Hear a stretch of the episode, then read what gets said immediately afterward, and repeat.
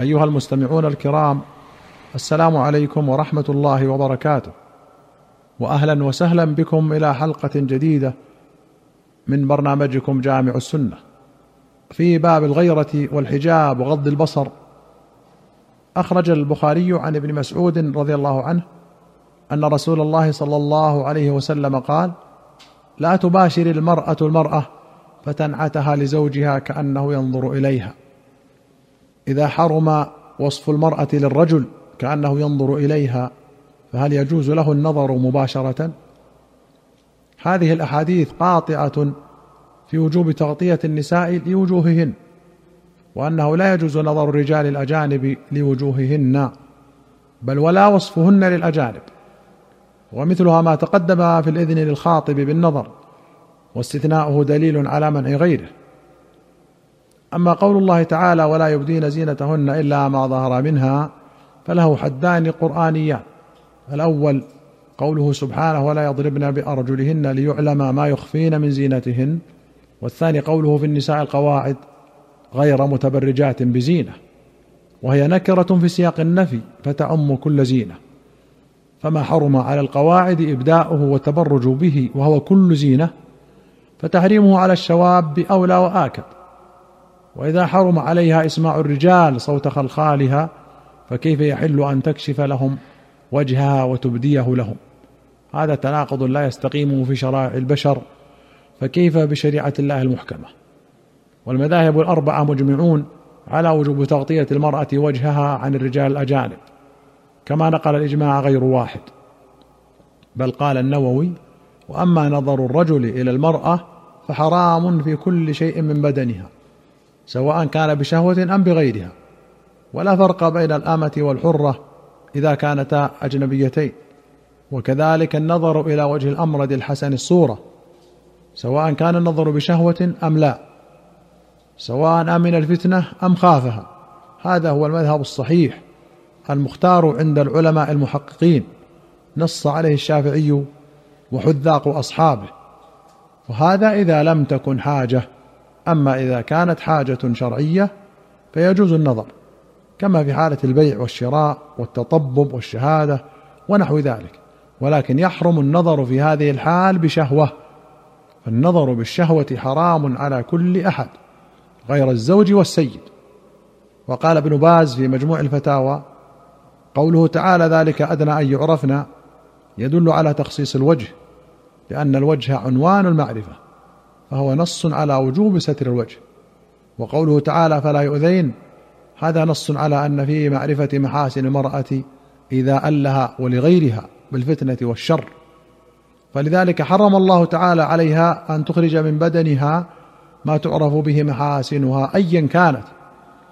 قال رحمه الله ولو لم يكن من الأدلة الشرعية على منع كشف الوجه إلا هذا النص منه سبحانه وتعالى لكان كافيا في وجوب الحجاب وستر مفاتن المرأة ومن جملتها وجهها وهو أعظمها لأن الوجه هو الذي تعرف به وهو الذي يجلب الفتنة.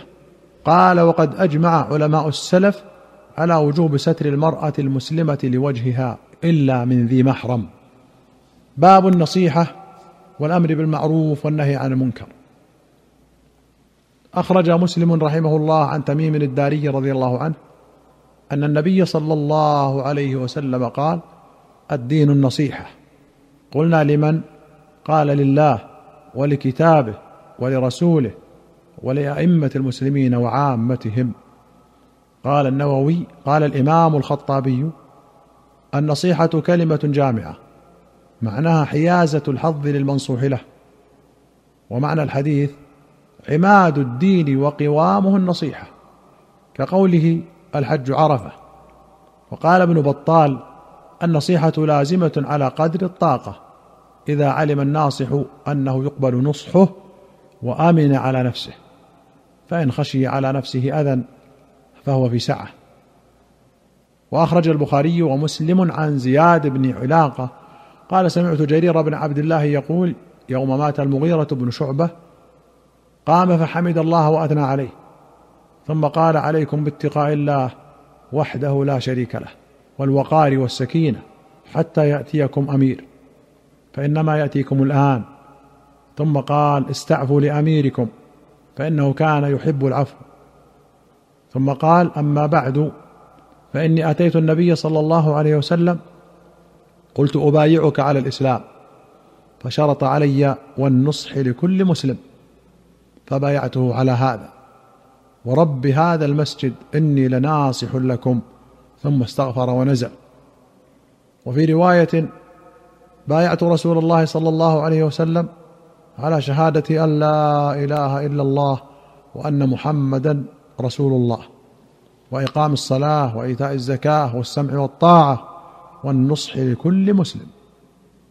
وفي أخرى بايعت رسول الله صلى الله عليه وسلم على السمع والطاعة فلقنني فيما استطعت والنصح لكل مسلم.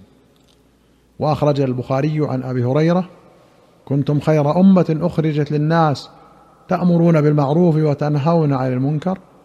قال خير الناس للناس تأتون بهم في السلاسل في أعناقهم حتى يدخلوا في الإسلام. وأخرج البخاري عن أبي هريرة أن رسول الله صلى الله عليه وسلم قال عجب الله من قوم يدخلون الجنة في السلاسل. قوله في السلاسل قال أبو داود يعني الأسير يوثق ثم يسلم. وقال إبراهيم الحربي المعنى يقادون للإسلام مكرهين فيكون ذلك سببا لدخولهم الجنة. وليس المراد أن ثمة سلسلة. وأخرج أبو داود والبيهقي في الشعب بسند حسن عن عائشة رضي الله عنها قالت كان النبي صلى الله عليه وسلم إذا بلغه عن الرجل الشيء لم يقل ما بال فلان يقول ولكن يقول ما بال أقوام يقولون كذا وكذا.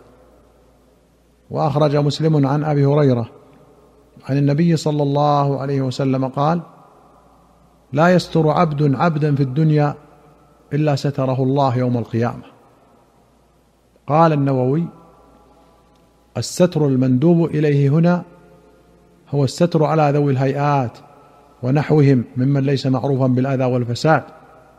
فأما المعروف بذلك فيستحب أن لا يستر عليه بل ترفع قضيته إلى ولي الأمر إن لم يخف من ذلك مفسدة لأن الستر على هذا يطمعه في الإيذاء والفساد وجسارة غيره على مثل فعله. هذا كله في ستر معصية وقعت وانقضت.